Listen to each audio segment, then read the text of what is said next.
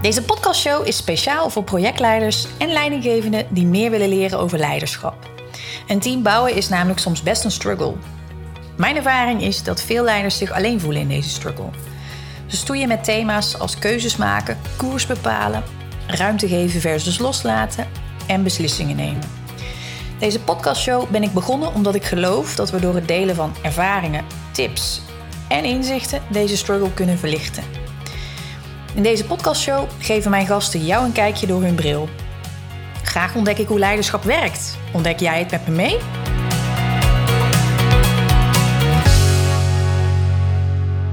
In aflevering 3 bekijken we leiderschap door de bril van Zaraida Groenhart. Zaraida runt al bijna 7 jaar een eigen bedrijf en ze doet dat niet alleen. Ze doet dat samen met een heel team, eigenlijk al vanaf dag 1. Um, en waar ik heel nieuwsgierig naar ben, is wat is er veranderd tussen die eerste samenwerking die je nou ja, begin van, uh, van je ondernemerschap had. En hoe doet ze dat nu, bijna zeven jaar later? Hoe stuurt ze haar team aan? Welke uitdagingen ervaart ze? Wat zijn volgens haar must-haves en do's om een succesvol bedrijf te leiden?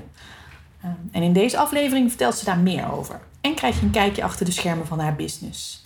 Vandaag bekijken we leiderschap door de bril van Zaraida Groenhart. Welkom uh, Zaraida bij de podcastaflevering. Leiderschap door de bril van, uh, van jou kijken we vandaag. Ja, leuk. Ja, leuk dat je er bent. En, ja, uh, ik vind het een leuk thema. Ja? Een thema waar meer over gesproken zou moeten worden, denk ik. Ja. Omdat het zit aan de binnenkant van een bedrijf. Mm -hmm. Het is super belangrijk. om een goede leider te zijn ja. voor je team.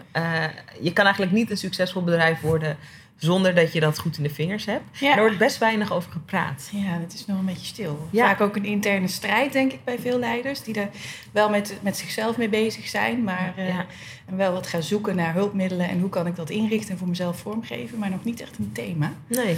Uh, dus daar gaan we vandaag ook over in gesprek. Want um, nou ja, wij kennen elkaar. Ik heb bij jou een coachtraject uh, gevolgd. Mm -hmm. Daar was leiderschap ook een thema wat regelmatig terugkwam in de gesprekken. Ja, groot thema. En, um, en ik vind het heel leuk om vandaag even wat meer te kijken op hoe jij dat doet bij jouw business, hoe jij dat runt. Mm -hmm. um, en voor we de diepte induiken, voor de mensen die jou nog niet kennen, um, wat moeten ze over jou weten om te begrijpen wie je bent, wat je doet en waarom je doet wat je doet? Ja. Mooie Drie vraag. hele mooie vragen in één gepopt. um, Sarayda Groenhart. Ja. Uh, ik uh, werkte voordat ik ondernemer werd uh, bij de tv. Mm -hmm. Als presentator en programmamaker.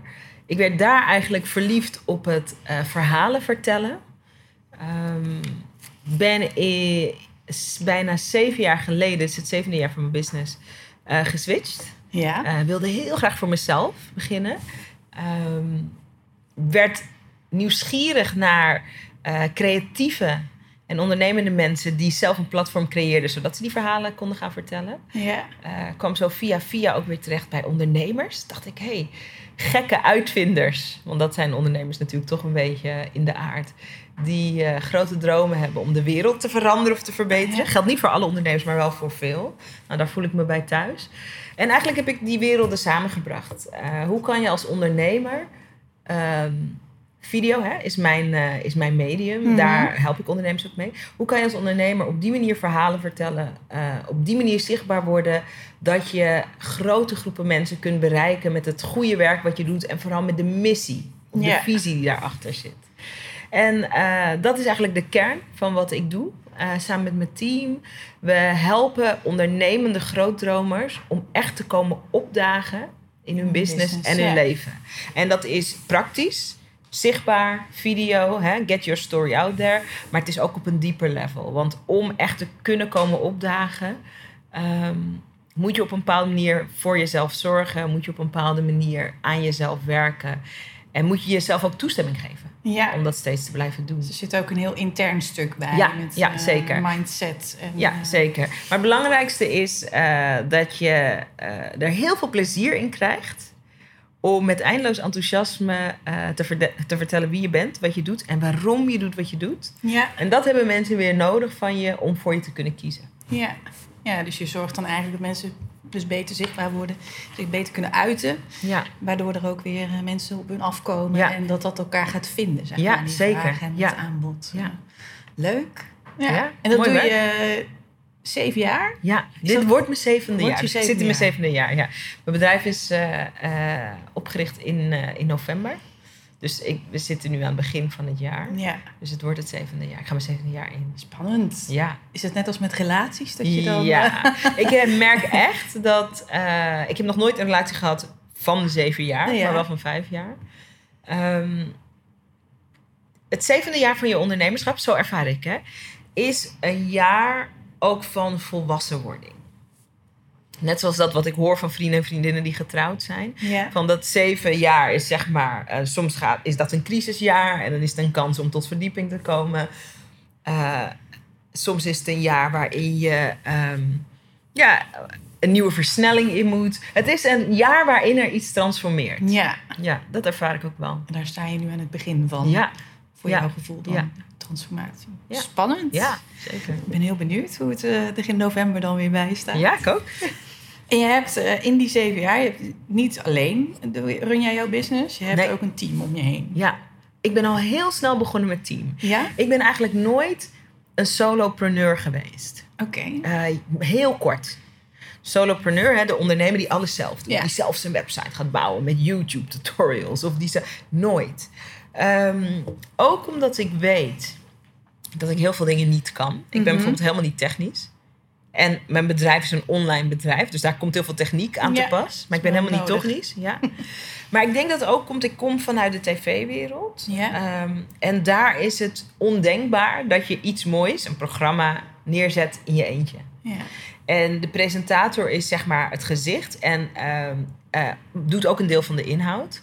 Eh, maar er zit ook altijd een heel team achter. Dus ik weet van huis uit dat je ehm, de, de, de belangrijkste verhalen vertel je nooit alleen. Dus ik ben eigenlijk nooit echt een solopreneur geweest. Dus je zoekt altijd expertise dan van mensen om je heen Ja. om eh, je te versterken en om samen te kunnen bouwen. Ja, mijn allereerste. En ik had ook geluk dat. ehm, ik ging meteen investeren toen ik Mhm. ondernemer werd. Ik dacht, zo, ik ga niet de lange weg en het wiel in mijn eentje uitvinden en, en niet struggelen. Ik dacht, er is vast een betere weg. Ja. Ehm, ehm, dus ik ging meteen investeren. Eh, daar in de community van die eerste online training waar ik in investeerde, was een Amerikaanse eh, training. Ehm, maar er zaten ook Nederlandse ondernemers in die community. Die waren al iets verder. En eh, daar ging ik eigenlijk meteen kopjes koffie mee drinken. Hoe doen jullie het? En iedereen had ehm, mensen die hen ondersteunden. En het belangrijkste wat ik toen leerde, was dat we in een tijd leven dat je niet iemand meteen part-time of fulltime hoeft aan te haken. Maar dat je ook een technische VA, een virtual assistant, voor twee uur in de week kan Ja. aanhaken.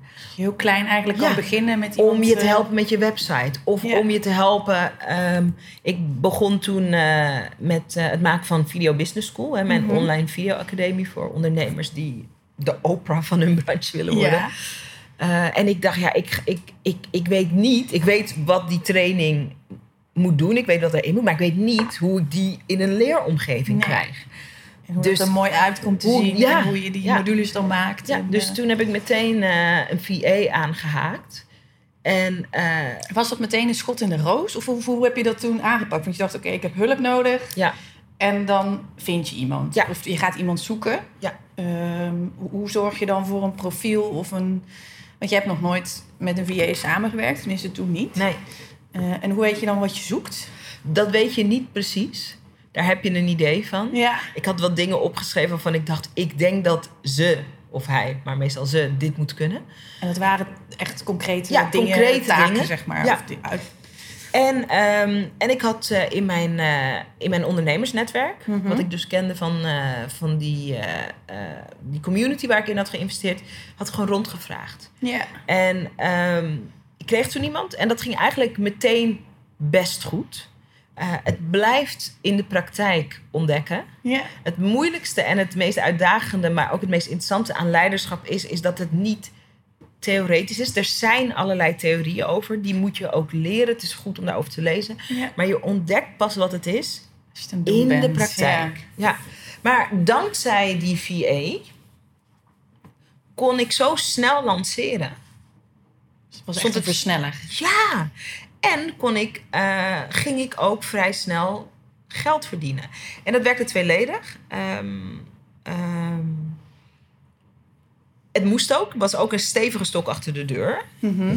Ehm, en omdat mijn energie kon gaan zitten in wat ik het best kon. Het maken van die training, het vertellen over die training. Het zichtbaar zijn van dit komt eraan.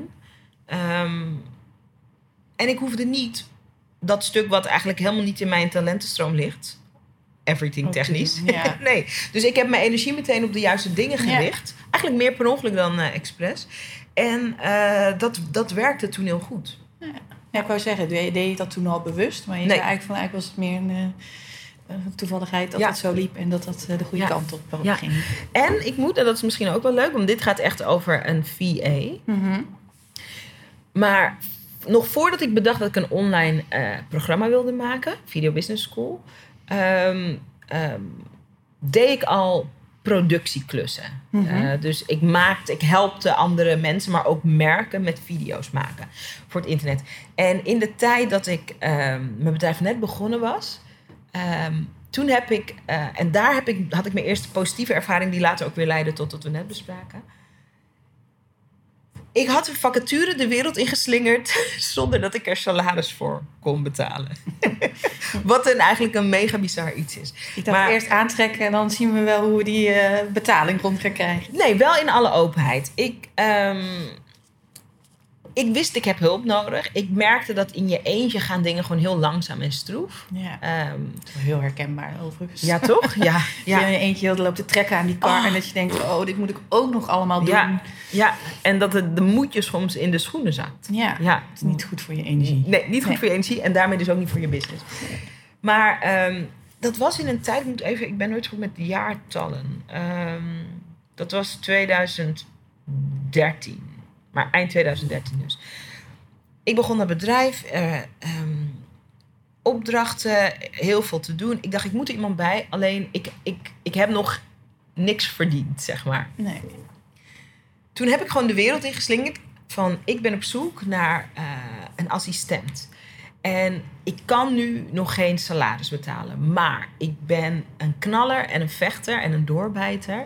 En als er iemand out there is die mij twee maanden lang durft te vertrouwen, dan ga Ja. ik met twee maanden helemaal toe, toe op, zeg maar, storten op hoe kan ik geld gaan verdienen, hoe kan ik het gaan verkopen, eigenlijk dat stuk Ja. dan, eh, ehm, dan wil ik diegene uitnodigen om erin te stappen.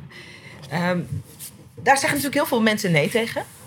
Maar er zijn ook mensen die er ja tegen zeggen. Die daar wel in geloven en Ja, die die ruimte ja. willen geven. Zeker ook, ja, jonge mensen die net van school komen, die op zoek zijn eh, naar een leuke baan, die op zoek zijn naar een leuk en die nog aan het ontdekken zijn, maar die wel. ehm, ehm, ja, voor wie er, voor die nog niet enorme verantwoordelijkheden hebben. Wat is twee maanden op je leven? En ik had erbij gezegd ook van... stel dat het me onverhoopt niet lukt om eh, binnen die twee maanden... eh, te zorgen dat ik je salaris kan betalen. Ik kom uit de tv, ik heb daar een enorm netwerk in. eh, dan ga ik mijn tijd investeren om je ergens anders met mijn aanbeveling een goede baan te bezorgen. Ja. En er was een geweldige ehm, jonge vrouw, René. Die dacht, dit is zo raar. Ik ga in elk geval praten. Die was nieuwsgierig. ja, en we hadden een enorme klik. En ehm, Is zo'n persoonlijke klik ook altijd een voorwaarde Ja. voor jou met je team? eh? ja, als je dat niet hebt, Dan wordt het geen match. nee. En kijk, wat is een klik? Daar zou natuurlijk de diepte over in kunnen. Is een klik dat je allemaal dezelfde tv-series moet kijken. Zo, wat is het? Ehm, maar er moet wel een onderbuikgevoel zijn van... eh, eh, ik vind het prettig om in de buurt te zijn van deze persoon. Ja.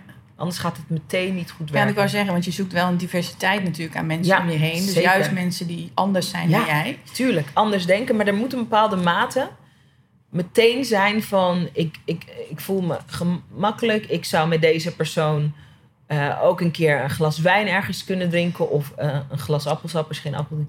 Ehm, of een theetje. Eh, want je Is dat dan meer op waarde, zeg maar, niveau? Of, of wat is dan... Ik zit even te denken van... Wat is dan de, de klik die je hebt? Ja. En hoe, eh, Ik denk, ik denk kernwaarde inderdaad. Met René had ik dus meteen die klik. En zij heeft echt nog een jaar voor mij gewerkt. En na twee maanden kon ik haar inderdaad eh, salaris betalen. Ja. En René weet bijvoorbeeld ook... eh, zij is toen na een jaar is zij ook weer wat anders gaan doen. Maar als zij morgen aanklopt... is er gewoon altijd plek voor haar in het Ja. bedrijf. Dan weet ik, dan vinden we of creëren we wel iets zodat ze erbij kan. Ehm, ik denk kernwaarden. Een van de belangrijkste kernwaarden bijvoorbeeld voor mij is... ehm, en ook in het bedrijf en alle teamleden, daar kan, kunnen we het misschien zo over hebben... is eh spreek vanuit vertrouwen. Dus openheid. Het is niet erg als er dingen fout gaan. Het is wel erg als er dingen fout gaan... en je probeert ze onder het tapijt te... Ja. ja. Wat een menselijke reactie is, maar eh, niet werkt bij ons. Ehm, ze was nieuwsgierig, dat vind ik ook belangrijk. Mhm. Ze zei, dit is zoiets geks, maar ik heb er wel een goed gevoel bij. Laten we ontdekken. Laten we het ontdekken. Dat vind ik heel belangrijk, zo sta ik er zelf ook in. Eh, het, het toont natuurlijk lef van mij om een vacature zonder salaris... eh, Ja, het is wel anders dan anders. is anders dan anders. Ja. Maar ook van haar om te zeggen, ik... eh, gaan we doen. ja, ik ga het gewoon doen. Want ik ben jong en eh, het ergste wat me kan gebeuren is dat ik over twee maanden denk: wat een vreselijke experience. maar dan regel jij een goede baan bij de tv voor mij. Ja, nou dus ja, alsnog bedankt. win-win. Ja. Ehm, en ik denk ook wat er belangrijk aan is, eh, voor ons als ondernemers, ehm, is dat je, maar dat is misschien iets anders, daar kunnen we misschien zo op komen van. Je hebt altijd wat te bieden. Ik had toen geen salaris te bieden, maar ik had wel een experience te bieden en een eventuele baangarantie in een ander, in een, in een, op een ander veld. En wat René mij heel erg te bieden had, was mega urgentie. Ik dacht, ja, ik heb geen tijd om aan te klooien, want dit Ja. is ook haar leven. Die prio wordt heel erg eh, van, oké, er moet geld binnenkomen. Ja. Want ik heb de verantwoordelijkheid om iemand te betalen. Ja, ja, en je moet weten wat voor soort karaktertype je bent. Voor mij werkt dat heel goed. Ik ben eh, iemand die daar niet van dichtklapt. Je moet weten of je iemand bent die daarvan dichtklapt of niet. Het kan ook als een rem werken. Ja, zeker, ja. zeker. En het is ook niet de manier, maar het is een manier. Ehm, maar die klik, denk ik, gaat over kernwaarden, gaat ook over energie. Ja. Ik vind het bijvoorbeeld heel vervelend. En ik ben zelf, ik ben, ik ben helemaal geen heilig iemand, maar ik vind het eh, heel vervelend als mensen veel over andere mensen klagen. Dat, dat, dat- Energielek. ja, dat vind ik irritant. Ja. Ehm, ja, wat je zegt is eigenlijk waar. Eh, de, het zou zijn moet in elk geval energie opleveren. En niet energie lekken. Anders is het en voor het bedrijf niet goed. Het is voor jou niet goed, maar het is voor die ander ook niet goed. Nee. En dat kan je meestal vrij voel snel wel, voelen. ja. als je jezelf dat toestaat. Hè? Ja. Ja. Oké, dus je hebt eh René, jouw eerste, eh, nou ja, Als, het is, ja. ja. dus is De het- productieassistent was ze. dienst- was ze echt in dienst bij jou? Of Ja, het ze was echt... eh, eh, freelance basis. hoe zat het ook weer? Ehm, ik was haar enige opdrachtgever. Oké. Ik weet niet meer... Oh, Exclusief. Ja. Een relatie. Ja. Nee, ik was haar enige opdrachtgever. Ehm, en eh, daarna kwam eh, de VA erbij. En eh, die was wel echt freelance. Die werkte ook nog bij andere opdrachtgevers. Ja. Ehm, maar zo ging dat. Ja. En dan, nou dat was hoe je toen begonnen bent. Zo met de eerste mensen samenwerken en een team bouwen. Ja. En nu fast forward naar zeven jaar later. Hoe ziet jouw team er nu uit? Ehm, er zitten nog steeds freelancers in mijn team. Ja. Ehm, mijn droom is, en alle freelancers weten dat, en iedereen die met ons ergens over komt praten, is: ik wil een team met mensen die bij mij in dienst zijn. Ehm, Wat is voor jou het verschil, zeg maar? In, eh, ja, dat is echt iets wat ik vorig jaar heb ontdekt. Mhm. Ik zat heel lang nog in de modus van freelance, omdat eh, dat voelde als minder druk. Hè, stel je voor dat het zo is dat we volgende maand minder goed draaien, dan, dan kan je makkelijk in uren terugschalen en zo. Maar dat zat gewoon als beginners ehm, angst in mijn hoofd. Terwijl als ik gewoon keek naar mijn business, dacht ik, ja, maar we, we, we hebben, ik bedoel, groei gaat met ups en downs hoor. Mhm. En, ehm, maar we hebben helemaal niet, dat is helemaal geen echt probleem voor ons. En wat ik, ehm, het zat meer in je hoofd Het dan zat vooral dan, in mijn eh, hoofd. Dat je het echt... ik heb eh, nog nooit bij iemand uren teruggeschaald, omdat we het echt niet meer, eh, wel omdat de focus van het project misschien soms veranderde. Ehm, maar vorig jaar is er een heel grote focus gekomen. Ja. Ehm, ja, daar vertel je ook wat over in je podcast. Ja, of Niet? Met, ja. hoe je dat dit jaar anders hebt ingestoken. ja, en de missie van het bedrijf Mhm. Is belangrijker. Dit klinkt toch gek. De missie van het bedrijf is belangrijker dan eh, ik zelf ook ben. En als we puur kijken naar de missie van het bedrijf, ehm, dat we zoveel mogelijk ondernemers helpen om echt te komen opdagen in hun business, in hun leven, qua zichtbaarheid, maar ook qua wie ze zijn. Een soort hardop zichzelf uit de kast komen. dit ben ik, dit heb ik Ja. te bieden. Dat kan alleen met een team wat dedicated is. Met een leider die dedicated is, dat ben ik, maar ook met een team. En wat ik in de afgelopen jaren heb gemerkt, wat eigenlijk heel normaal is, is dat een freelancer kan natuurlijk nooit 100% dedicated zijn aan mijn missie. Dat is ook logisch, want die moet in de eerste instantie dedicated zijn aan uh, zijn of haar eigen schoorsteen die moet roken. Ja. En dan uh, ben ik een van de klanten. Mm uh, en dan op zijn best, en dat gaat niet over intentie, maar het is gewoon een rekensom. Op zijn best ben, is de energie en de aandacht dan verdeeld over, laat zeggen, drie of vier klanten. Um, maar er is ook zoiets, en jij weet die term denk ik beter dan ik. Um, als je meerdere keren per dag of per week van focus moet switchen, kost dat ook energie ja. van freelancer. Het is niet zo dat als ik een freelancer ben en ik heb twee opdrachtgevers, dat 50% van mijn energie naar die ene gaat en 50 naar die andere. Het is zo dat eigenlijk 30, 30 en 40 procent gaat zitten in dat je moet managen, dat je op twee verschillende en sporen... projectmanagement ja. eigenlijk en alle organisaties eromheen. Ja. ja. dus de rekensom mm. daarvan, daar ben ik de afgelopen jaren heel bewust van geworden. Um, en daar ben ik ook realistischer in geworden. Dat heeft je een andere kijk opgeleverd. Ja, dat je denkt van, hé, hey, misschien is het toch interessant om met een vast team ja, uh, te gaan werken. Ja, er zit een enorme kracht in. Uh, mijn intentie is ook om met het team jaren op te trekken. Mm -hmm. En natuurlijk is het ook zo dat je... Um, soms zit je drie jaar bij een bedrijf en dan, en dan is de match verdwenen... of jij bent het ontgroeid of het is jou ontgroeid. Dus dat, dat is ook natuurlijk en normaal. Maar wat heerlijk als het team ook vol ja zegt tegen jouw missie. En tegen de missie. En, ja, ja, dat is gewoon beter voor onze klanten. Ja, je ziet dat ook wel meer hè? bij veel um, bedrijven. En ik denk dat het in het ondernemerschap ook wel sterker is dat het meer purpose-driven wordt. Ja. Dat, dat, uh, uh, dat grote bedrijven daar ook wel mee aan het stoeien zijn. Van hey, hoe kunnen wij ons als, uh, nou ja, als bank of als ja, is een beetje een klassieke ingerichte bedrijven, hoe kunnen we meer purpose-driven zijn? Zodat we ook die mensen aantrekken die zich die zich willen geven. Ja, willen geven aan het bedrijf. Ja, en, ja. en dus niet, en niet dus aan jou nee. als de, de, de ondernemer, de, de CEO, aan de missie. Ja. Die staat ook altijd boven de CEO. Ja. Ja. Dus missie is wel belangrijk om die scherp te hebben en daarmee meer mensen aan te trekken. Super belangrijk. Ja. En ga je, ben je nu al met een vast team aan het werken of ben je, zit je midden in die switch? Of ik zit in die switch. Oké. Okay. Uh, de freelancers die bij mij werken weten allemaal dat ik dit belangrijk vind. Dus ik ben gewoon iedereen aan het verleiden om bij mij in loondienst te komen. ja. Nee, het is wel een leuk proces hoor. Ja? Wel intensief ook. Um, en voor mij is het zo, want ik werk dus met een aantal freelancers. Heel goed en leuk team. Ook veel geleerd de afgelopen jaren. Ook mensen los moeten laten. Um, en nu ben ik aan het onderzoeken met de mensen uh, die er zijn van... Hè, de meeste mensen worden ondernemer om vrij te kunnen zijn. Mm -hmm. Nou, wat betekent het om vrij te zijn? En ik ben eigenlijk met mijn team aan het onderzoeken... wat betekent het voor jou om vrij te zijn? En hoe kunnen wij als bedrijf jou die vrijheid faciliteren. Soms is dat locatie, onafhankelijkheid. Soms is het, ik moet op een bepaalde manier ook mijn eigen tijd kunnen indelen. Of het moet goed te matchen zijn met mijn gezin. Ik werk met veel vrouwen samen. Ja. En wij zijn nu als bedrijf aan het kijken hoe kunnen we die vrijheid faciliteren.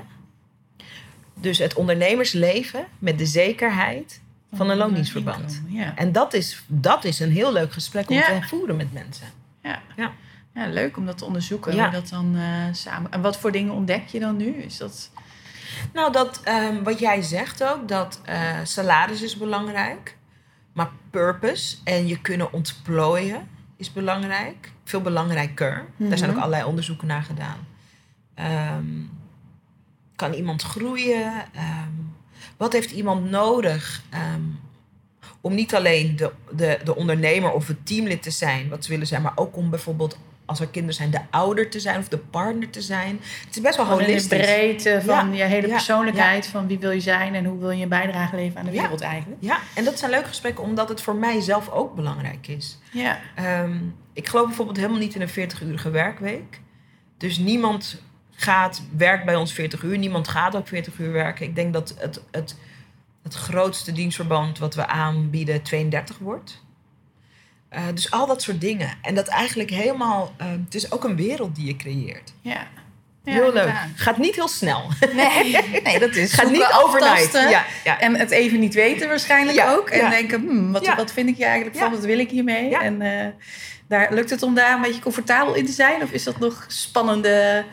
Nou, het is ook wel fijn. Het kan ook niet snel. Mhm. Ehm, we zijn natuurlijk, het is echt mensenwerk. Ehm, dus het leert mij ook. Ik ben van nature redelijk ongeduldig. Dit is een proces wat je niet in je ongeduld kan aansturen. Dus ik leer ook om. eh, en dat doet me wel goed. Om wat geduldiger en om met meer rust. Ja, Ehm, de missie en de visie van het bedrijf is lange termijn. Ik zeg ook tegen mijn team, we gaan hierin groeien. Dus het leert me ook, eh, het leert ook rust. ja, Het is wel fijn, hè? Ja. Het is Ja. een nieuwe skill die eh, wat meer naar de voorgrond wordt gebracht. Zoiets, ja. Een beetje Zoiets. verstopt zat misschien, waar die eh, wat meer zijn. Ja, die lag te slapen in Oh, mijn... eh, mooi. ja.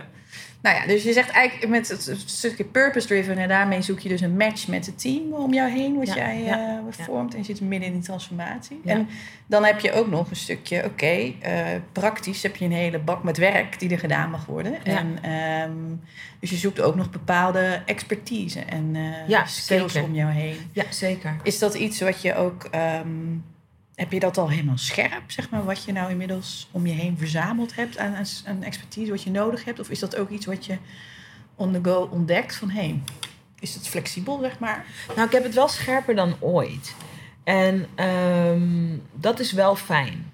De, de, het praktische stuk, want dat is in, de- ik denk ook heel belangrijk en leuk om te delen, is dat omdat we zo kijken naar wat is de werkcultuur, we bouwen die, we creëren die, eh, wat is de missie. Ehm, heel praktisch, om dat in goede banen te leiden, te, te leiden, zijn sommige winstgevende projecten uit 2019 zijn nu in de koelkast in 2020. Ja. Daar heb ik ook in een podcast wat over verteld. Eh, dat zijn dingen die ik ook moeilijk vind. Want Ik ben zo, wow.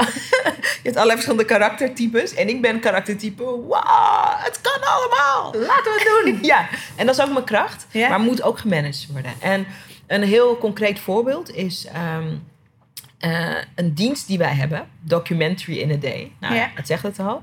We maken in een heel kort tijdsbestek en we filmen op één dag een prachtige eh, kwalitatieve documentaire van een ondernemer en het verhaal van zijn of haar bedrijf en missie Ja.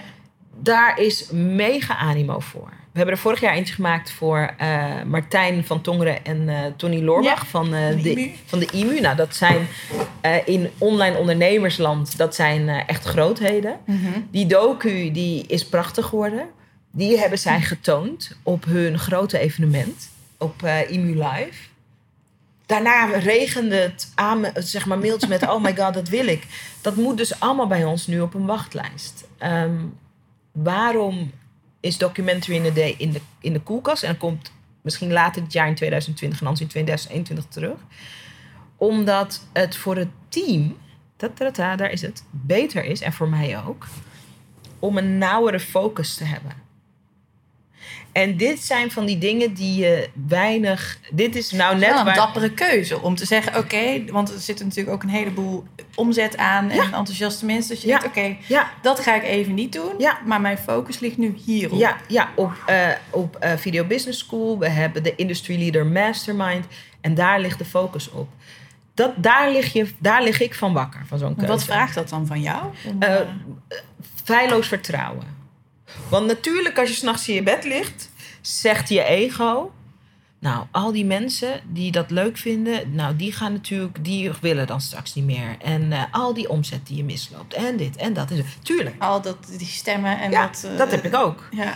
Maar dan moet ik weer terug naar wat is de lange termijnvisie van dit bedrijf? Wat is de missie? Eh, wat heeft het team nodig? Wat heb ik nodig om in die missie te kunnen gaan staan en te blijven staan? En dat is dus meer focus. Ik hoor ook heel erg het dilemma tussen korte termijn en lange Zeker, termijn. En, eh, Zeker. Korte termijn, reactief. Oh my god, allemaal mensen mailen ons voor Documentary in the Day. Oh my god, we gaan ze inplannen. Ja. Dat is korte termijn. Langere termijn is fantastisch. We, ver- we, we gaan met jullie in contact. ja. Het, het zit in de koelkast, maar het komt er weer aan. We houden jullie op de ja. Eh, hartstikke goed, het komt goed. Wanneer we er straks weer aankomen, wordt het beter dan ooit. Eh, maar het bedrijf heeft eerst dit nodig. ja. nou, dapper hoor, dat je dat... Want dat is ook wel een van de eh, dingen van hoe bouw je nou een team... is dat je een boeiende richting hebt waar Ja. je met elkaar gaat. Ja. Eentje die En uitdagend heldere. is. Ja. En helder inderdaad. En ook con, consequent en consistent. Ik zit even met het woord. Ja, misschien zoeken, allebei. Maar dat je gewoon wel kiest, oké, dat je dus even die focus Ja. behoudt. En dat hoor ik jou heel erg zeggen. Van oké, dit jaar Ja. ligt de focus hierop. Ja. En dus gaan we heel veel dingen niet doen. Ja, En ik denk dat het voor heel veel mensen ook wel lastig is om die keuze zo te het maken. lastigste misschien wel. Omdat het al je angsten op- laat opkomen. Ja. Nou ja, en als je dus eh, als ondernemer, dan voel je zelf heel erg die verantwoordelijkheid, denk ik. Maar ik denk dat het ook heel herkenbaar is voor mensen in een loondienstbaan, in een eh, projectleidersfunctie bijvoorbeeld, of een leidinggevende functie. Omdat je daarin ook vaak allerlei verwachtingen hebt en ehm, dingen die het bedrijf wil, waarin Mhm. je ook Ja, alle kanten opgestuurd kan Ja. worden. En dat, dat dat focus bepalen, dat dat wel Ja. een grote uitdaging is. En dat is dus echt leiderschap. En dat Ja. is bijvoorbeeld iets waar ik de afgelopen jaren veel over heb geleerd. Ook met vallen en opstaan natuurlijk. Ehm, gewoon omdat als je dat niet doet, wordt je team er gewoon horendol van ook. En terecht. Ja. We hebben acht prioriteiten. Nee. Je hebt er één. Er bestaat niet zoiets als acht prioriteiten.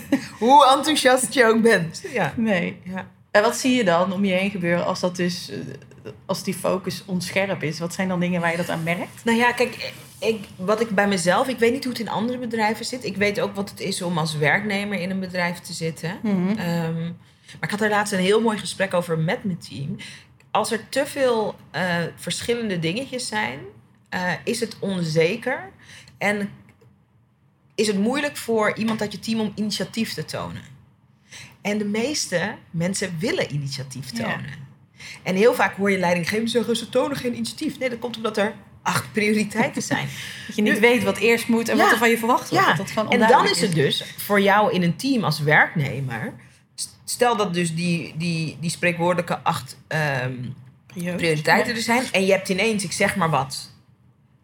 Op maandagavond heb je ineens inspiratie. Want dat is natuurlijk, mensen in het team hebben dat ook. En eh, je hebt voor een van die acht ineens een idee. En je denkt, eigenlijk zou ik dat wel willen uitwerken. Dan kan ik me voorstellen dat je denkt, ja, maar is dat dan nu wel belangrijk? Ja. Kan ik niet beter iets anders doen?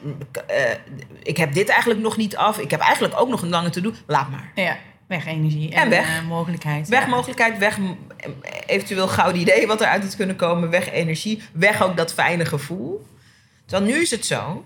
ik- even kijken of ik met een leuk voorbeeld kan komen.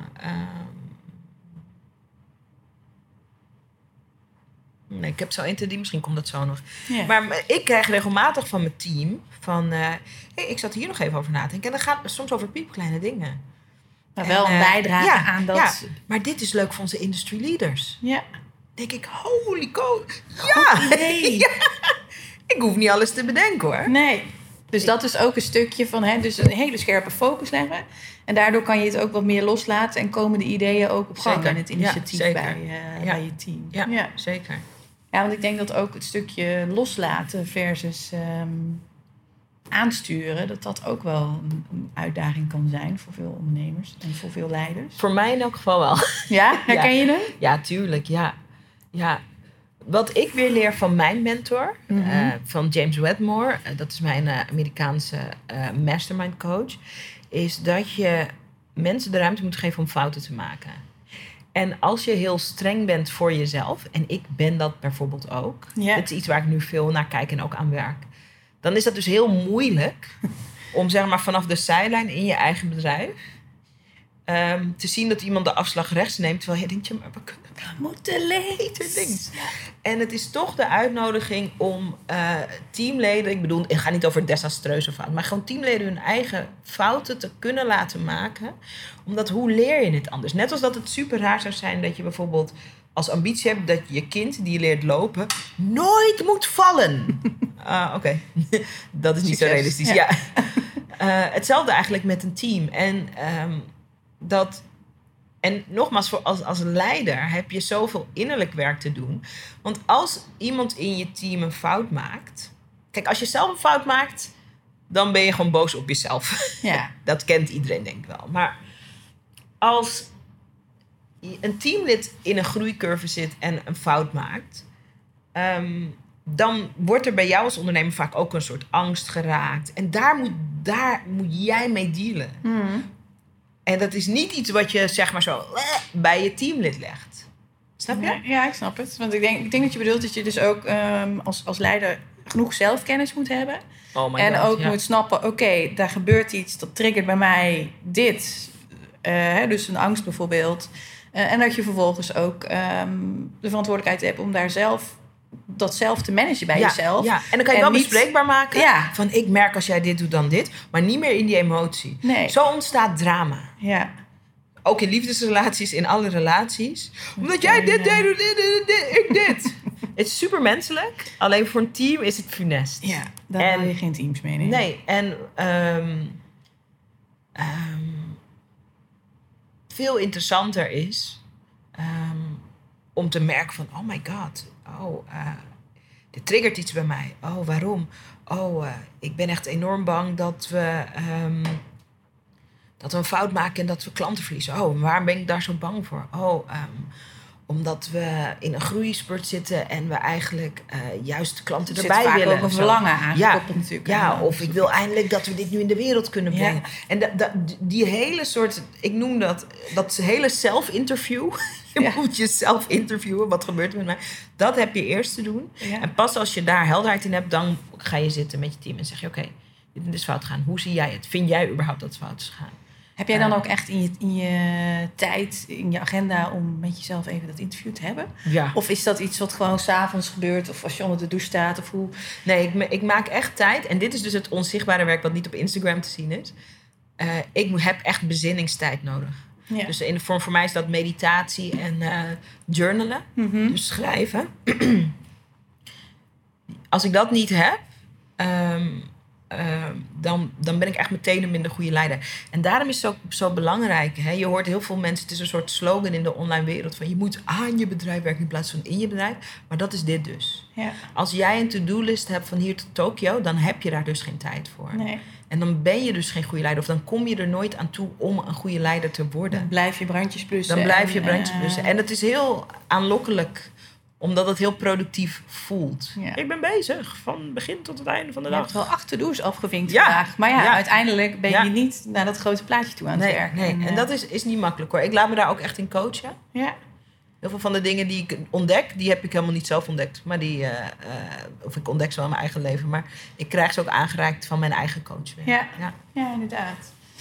Ja, nou interessant hoor, dat dat zo eh, diep gaat dan. Dat het ook echt, eh, dat het niet een rol is. Want het, het is natuurlijk ook, ik herkende ook wel deel van uit toen ik zelf net projectleider was bijvoorbeeld. In mijn baan in loondienst Ja, ja, ja. voor.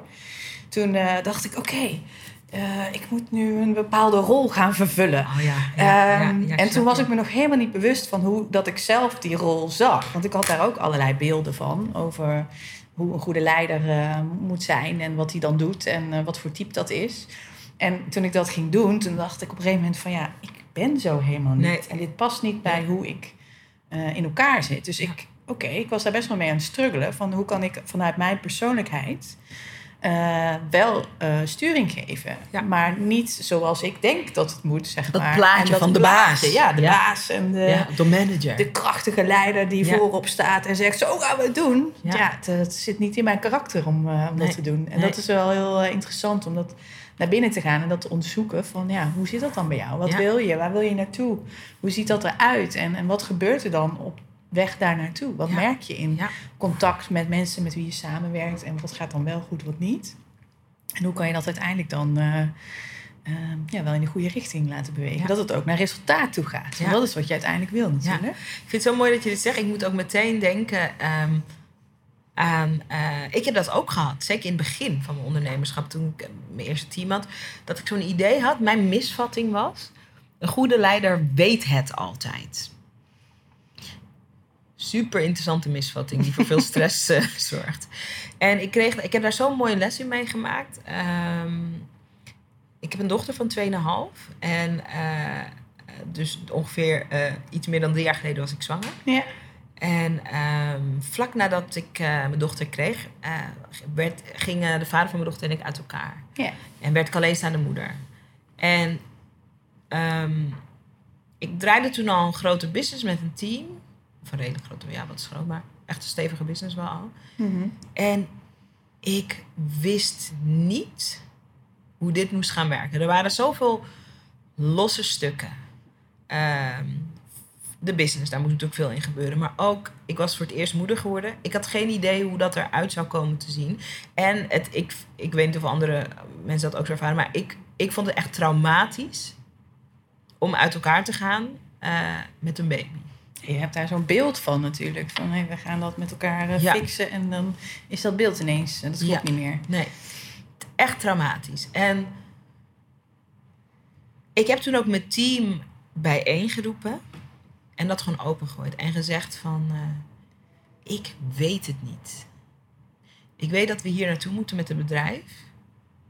Ik, zie Ik heb een gevoel. Ja, ja ik, heb een gevoel ik heb een gevoel bij wat voor soort moeder ik wil zijn. Ik kan niet 40 uur per week werken, dat wil ik niet. Ik moet mijn hele rol nog vinden. Dus ik weet het niet. Kunnen jullie met mij meedenken? Eh, en dat was, dat, is zo, dat was hartstikke eng, want dat is ook heel kwetsbaar. Ik had het op voorhand met mijn moeder besproken. Mijn moeder zei: Je zult merken als je echt eerlijk bent dat het heel veel goeds brengt. Ik zo, nou, oké. En toen weet ik nog dat eh, mijn toenmalige virtual manager, Kim, die kwam toen volgens mij. eh, die kwam met een plan, vlak daarna aanzetten. Echt iets wat ik nooit zou had kunnen bedenken. En zei: Ik denk dat we het zo moeten doen. Pam, plan. Lifesaver. En Dat was ineens een reddingsboei die je Ja. werd aangereikt. Waarvan je dacht, die zijn oh, mega nuchter gewoon in elkaar geklutst. Ik denk dat als we, als we dit moeten, we dit kunnen we dit automatiseren, moeten we dit. Ik zo. En dat heeft, dat heeft, dat is zo'n belangrijke les geweest. Dat is ook leiderschap. ja, Dat je zegt van, ik weet het even niet. ja, ik weet eh, het niet. Dit is belangrijk en dit is belangrijk. Maar de hoe, I don't know. En wat maakt het zo spannend om dat eh, te, te zeggen en te delen? Nou, omdat tot die tijd was mijn idee dat de leider altijd precies het hoe en het wat wist. ja. Dus nu, wat ik dus ik dacht, ik ga zeggen, hoi, ik ben incompetent. Ik dacht dat dat, De onderlag, ja. dat, nou ja, dat dat zo opgevat zou worden. Van, Ja. Hoi, vrienden en vriendinnen, ik ben incompetent. En ik weet het allemaal niet meer, Ja, en, dat, en dat was niet zo. Dat was ook niet de intentie van het gesprek. Maar dat, dat was mijn angst natuurlijk. En dat is denk ik de angst van veel leiders die niet kwetsbaar zijn. Ja. Dat ze worden gezien als niet goed of incompetent. Of eh, dat je mensen aan hun lot overlaat. Of whatever je er ook maar op kan plakken. ja. Maar wat het eigenlijk was met terugwerkende kracht. En ik had ook heel veel geluk met mijn team. Hè, is. ehm, je komt echt. Daarom is die kernwaarde die wij in de business hebben. Spreek vanuit vertrouwen en bloedeerlijkheid. Dat zijn twee kernwaarden. ehm, die zijn ook in die tijd geboren ja. ik had het vertrouwen. Wel, ik bedoel, met knikkende knieën. Maar er was ook vertrouwen om gewoon te kunnen komen met wat er echt is. Ja. Eh, en dat heeft toen zo, dat heeft, dat heeft zo'n cadeau voor de business opgeleverd. Onze klanten hebben er eh, helemaal geen last van gehad. Het gaat natuurlijk om de klanten. ook. ja. Onze mensen niet. Dus Het heeft juist heeft het wel misschien verbonden veel ook. Om, omdat iedereen weer even vol aanstaat en denkt... hé, hey, ja, wat gebeurt hier? Eh, en we willen met z'n allen dat bereiken. Waar we met z'n allen voor werken. Eh, Ja. Dus wat hebben we dan te doen met elkaar? ja. En dat is misschien ook een mooi voorbeeld van... als je dus even een stapje terug doet... ehm, dat andere mensen dan die ruimte pakken. En dat eh, een collega van jou dan met een plan komt... Ja. eh, en dus even dat voortouw kan nemen. ehm, Ja. Waarvan je denkt, oh ja, nou, dit is... Ja, ziet en dat moet, je, uit. dat moet je ook durven toestaan. Want veel leiders hebben ook een ego wat klem zit. Als je vindt dat jij alles moet bedenken als leider, heb je een super beperkend ego voor, Ja. voor de missie van de business. Ja. Stel dat ik nou nog steeds zou denken dat ik alles moet bedenken. Ja. Voor mij als leider is ik moet de richting aangeven. Ja, En de ruimte creëren dat mensen in de beste versie van zichzelf kunnen stappen. En dat is echt niet makkelijk. nee.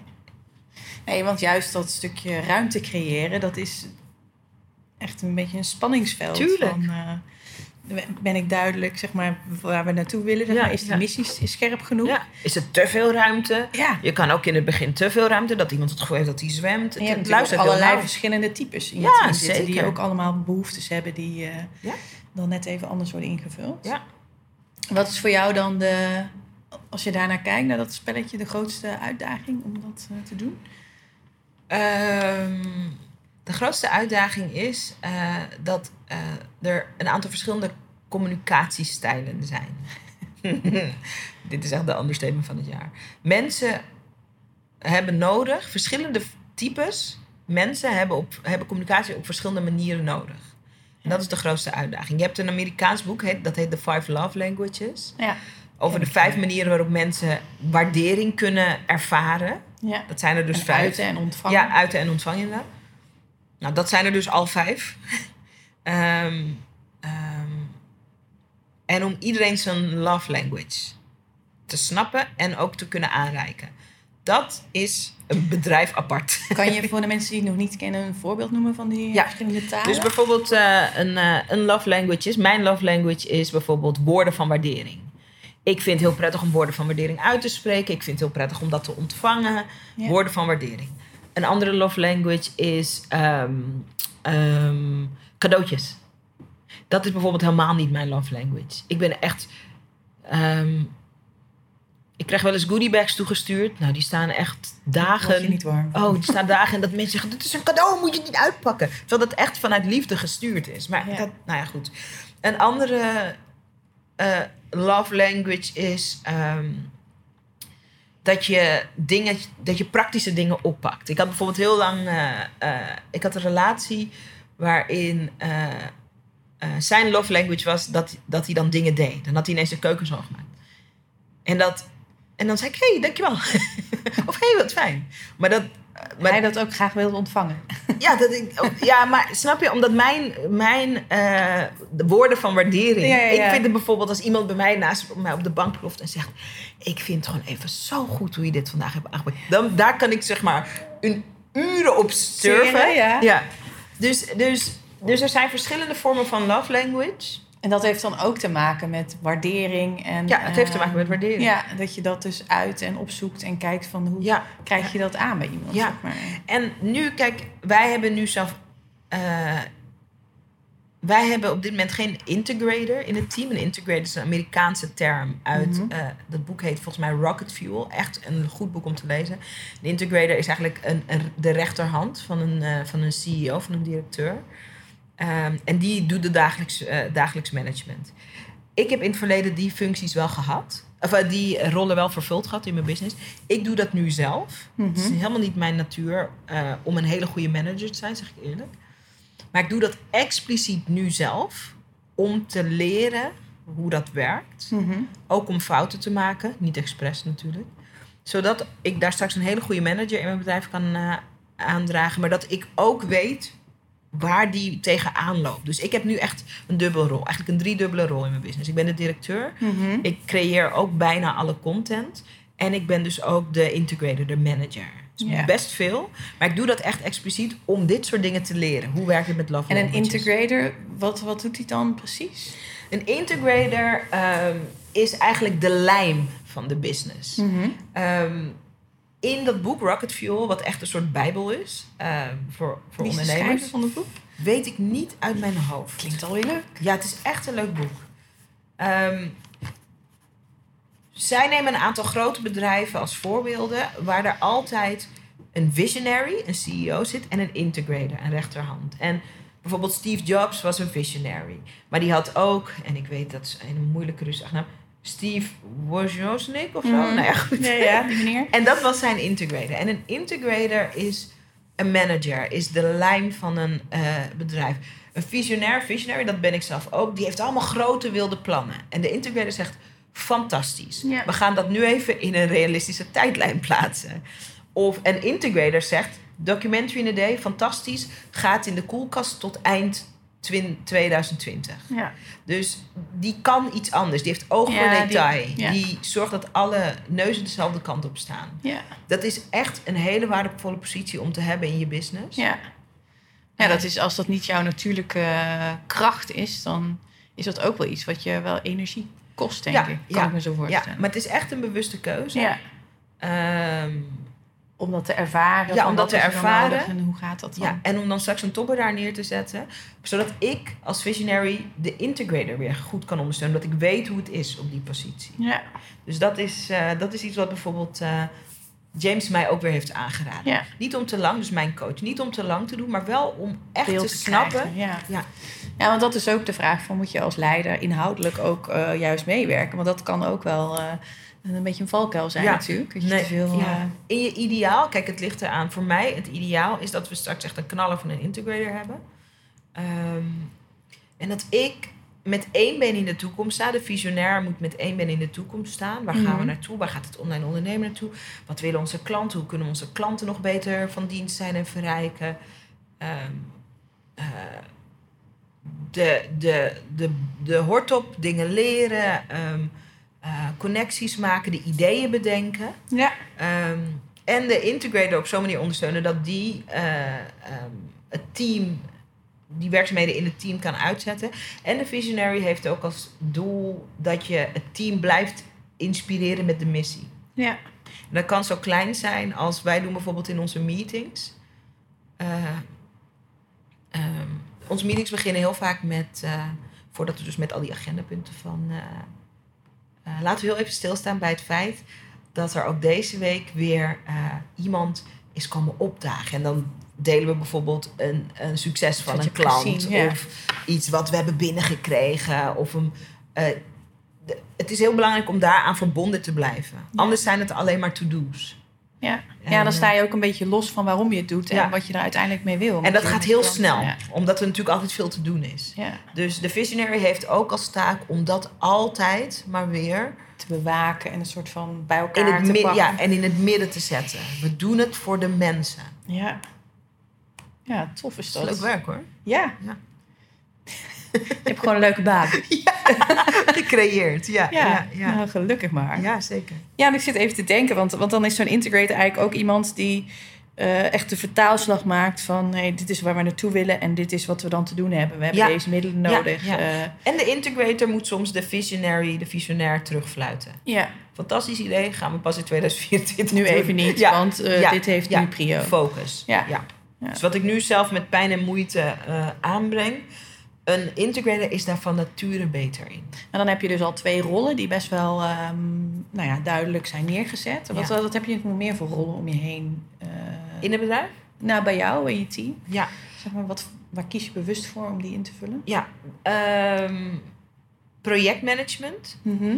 Ehm, we hebben, en het is, we hebben eigenlijk, de mensen die we hebben, die hebben verschillende verantwoordelijkheden. Dus ik kan eigenlijk denk ik beter verantwoordelijkheden Ja. noemen. Dus een verantwoordelijkheid is eh, eh, het verkeer van alle mailboxen. We krijgen ongelooflijk veel mail. Daar zitten van enorme kansen tot mensen die fantastische vragen hebben of die gewoon even iets met ons willen delen. Dus dat is bijvoorbeeld al die communicatie. Mhm. We hebben communities. Eh, dus het aansturen van die communities en het helpen eh, faciliteren van die community. Dus community management. Ehm, we, hebben, we maken heel veel content.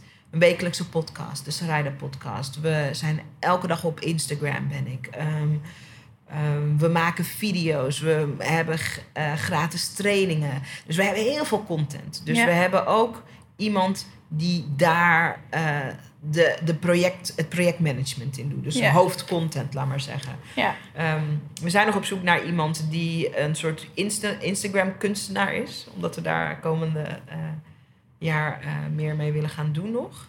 Ondanks dat we daar elke dag zijn, maar we willen meer strategie. We hebben een bureau wat ons helpt met onze Facebook-advertenties. Dus dat heeft weer te maken met onze lijstgroei en onze marketing. Ehm, we werken met eh, een aantal makers die voor ons prachtige portretten maken van onze community. Ehm, dus dat is een belangrijke Super divers dan ook. Ja, En, en dat komt dan ook voort uit elke keer weer... ehm, want die verantwoordelijkheden, dat, dat is organisch, denk ik. Op een gegeven moment krijgen er worden Ja. wat dingen wat teruggeschroefd. Dat andere dingen hebben Ja. meer aandacht en ruimte nodig. Ik vind het het leukste, dat zeg ik ook tegen mijn team, dat mensen hun hand opsteken en zeggen: Nou, ik wil dit ontdekken. Mhm. Zo hebben we bijvoorbeeld, eh, ik had een, een technische VA, dus die gewoon heel goed was met technische systemen en zo. Maar die een grote liefde had voor events. En toen, toen zei ik: Nou, ga, ga maar doen. Nou, bleek een fantastische eventmanager te zijn. Dus het is, ik wil ook dat het een bedrijf is waarin je dus nieuwe dingen kan ontdekken. We hebben een podcast. Nou, daar moet, pod- daar moet, die, moet, die wordt gemaakt. Ik neem hem op. Maar vanaf dat ik hem opneem, moet er toch nog van alles gebeuren. Dus eh, podcastmanagement. Er zijn echt veel verantwoordelijkheden waar je in kan stappen. Ik hoop ook dat onze teamleden dat leuk vinden. Dat je dus eh, rond kan neuzen. En eh, kan ontdekken van waar ben ik eigenlijk goed in. Ja, dan komt daar vanzelf een bepaald profiel uit... Ja. wat dan eh, goed Ja. bij jou past, Ja. zeg maar, bij het bedrijf. En eh, Ja. een bepaald type mens. En, eh, dat is mooi. Dus eigenlijk missie beginnen. En op een gegeven moment heb je een aantal eh, verantwoordelijkheden... die je gewoon met elkaar te doen hebt... om de focus die je met bepaald hebt, om die te behalen. Ja. En daaruit eh, is het dan, oké, hoe ga je dat met elkaar organiseren? En, eh, Ja. en heb je daar als leider, vind je daarin dat dat sturend is? Of, of, of dat je daarin sturend bent? Of is dat ook, eh, gebeurt dat samen met je team? Want je zei net van de hand opsteken, van wat lijkt me leuk om te doen. Maar is Ja. het dan zo dat iedereen de hele tijd kan switchen of zo? Of, of, of Nee, heb je dan nee, wel een bepaalde commitment? Oké, we gaan dit de komende, weet ik veel, drie maanden doen. Eh, Ja, nee, het is. Het, ja, ik snap heel goed je vraag. Het is niet, want het kan ook een soort chaos worden daardoor. ja, hoe krijgt dat vorm? Ja, hoe krijg je het vorm? Ehm, ik gooi af en toe de deur open. Dus ik zeg, ik bewaak natuurlijk heel erg de lange termijn. Dat moet de visionary ook doen, de CEO. Ja. Dan zeg ik, dit is waar we naartoe gaan. Als je de komende weken bij jezelf merkt... hé, hey, ik voel een bepaalde nieuwsgierigheid. Let me know. Ehm, dus ik zet soms... Ik probeer de deur open te zetten voor iets wat komt. Dat is één ding. Een ander ding is dat... ehm, ehm, we hebben natuurlijk meetings, we communiceren veel. En ik probeer ook signalen op te pikken... van als, als iemand ergens enthousiast over wordt. Dat probeer ik.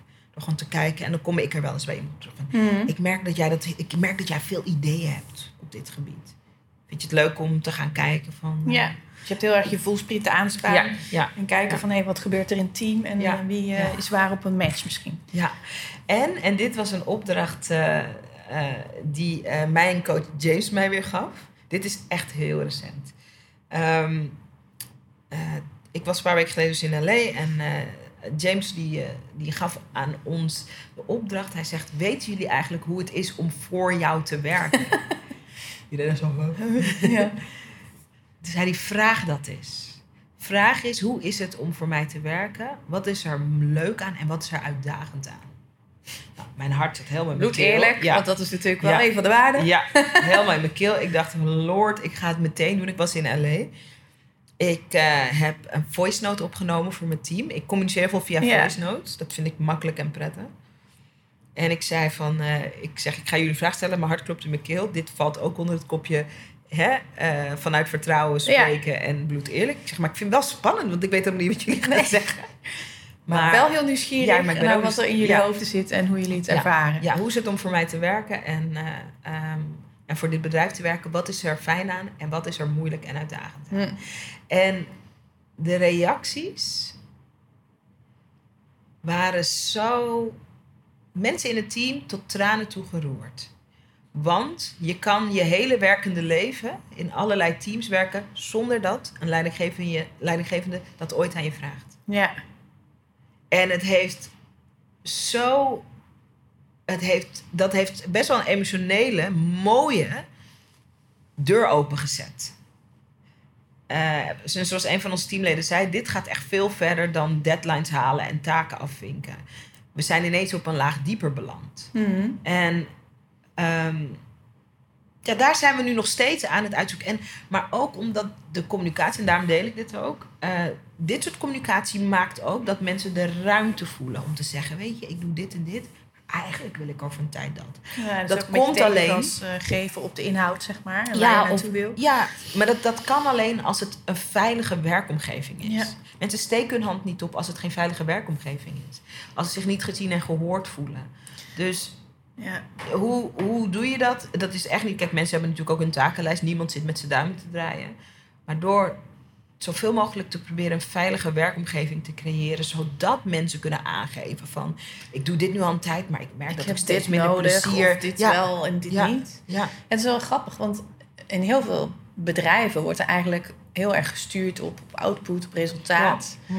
En dat stuk over wat heb je met elkaar nodig om eh, die samenwerking vorm te geven en om te doen wat jij te doen hebt.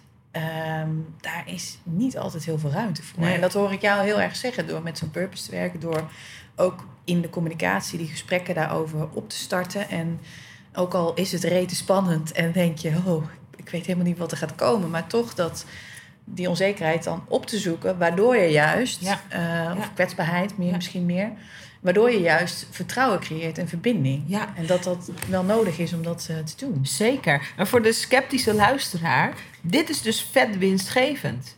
Want wat wij kunnen als team, omdat dat vertrouwen er ook is en we bouwen eraan en het groeit. Dit is een team, we gaan ook voor elkaar door het vuur. En soms zit er ook op zaterdagavond iemand nog even wat af te maken achter zijn computer. Ja. Uit eigen beweging. Ja, niet omdat hij de angst voelt om Nee. op maandag aangesproken te worden dat het niet klaar is. Uit maar- eigen beweging. Maar wat En- levert het jou dan concreet aan resultaten op? Dat met we heel snel veel werk kunnen verzetten. mhm. Omdat het duidelijkheid is. Er is veiligheid. Hopelijk is het zo dat mensen steeds minder angst hebben om fouten te maken. Dat is iets wat je pas over een langere tijd kan monitoren. Ehm, dus we hebben gewoon heel veel slagkracht. Ja. Dat. En, en, en het is, en dat is ook energetisch. Ehm, ons bedrijf, mijn bedrijf, ons bedrijf gaat over zichtbaarheid.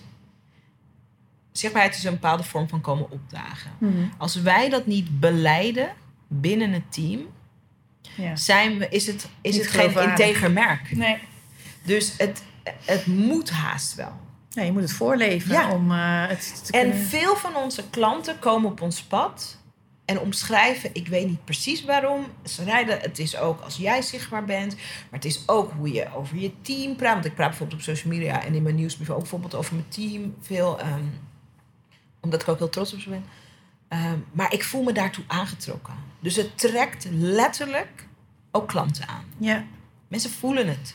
Ja. We zijn gewoon niet meer in dat tijdperk dat je maar een beetje. dat je maar wat zegt. Nee. Dat het dan niet zo is en dat je dan maar ermee door kan gaan. Ja. Ik weet niet, ik geloof dat dat.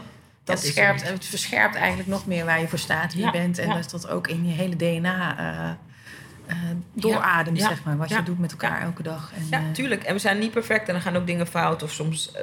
ja, dat, maar, maar de intentie is er duizend procent. En dat voelen klanten ook. Ja. Ja.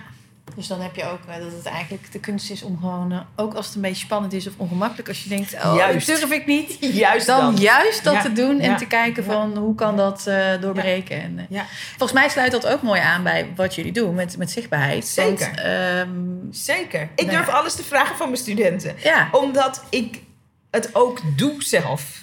Ik durf, een stu student is stom hoor, maar ik durf mijn ondernemers, en wij hebben samen gecoacht, dat weet je Mhm. ook. Ik durf jullie met liefde ook onder jullie hol te schoppen. ja. Omdat ik het ook bij mezelf doe. En Nou, ook bij mijn team. En ik zie ook dat het bij, ehm, nou ja, in ieder geval in de mensen bijvoorbeeld met wie wij in de coachgroep hebben gezeten, dat als die dan de dingen die ze heel spannend vinden of een verhaal gaan delen, waarvan ze denken, oeh, Spannend. ik ben wel heel kwetsbaar als ik dit deel en ehm, ja, hoe gaat dit eruit pakken?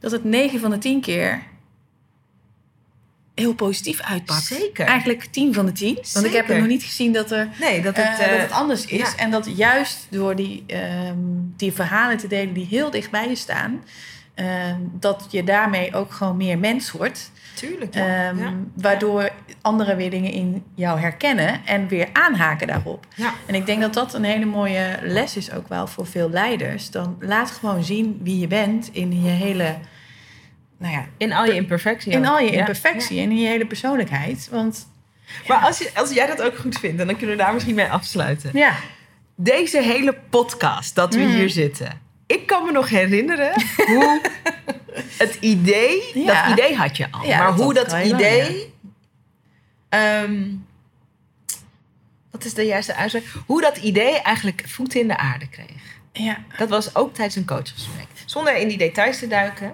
Dat was omdat ik jou ook confronteerde met iets. ja, En ik durfde je stevig te confronteren, omdat eh, ik weet dat het komt van een hele goede plek.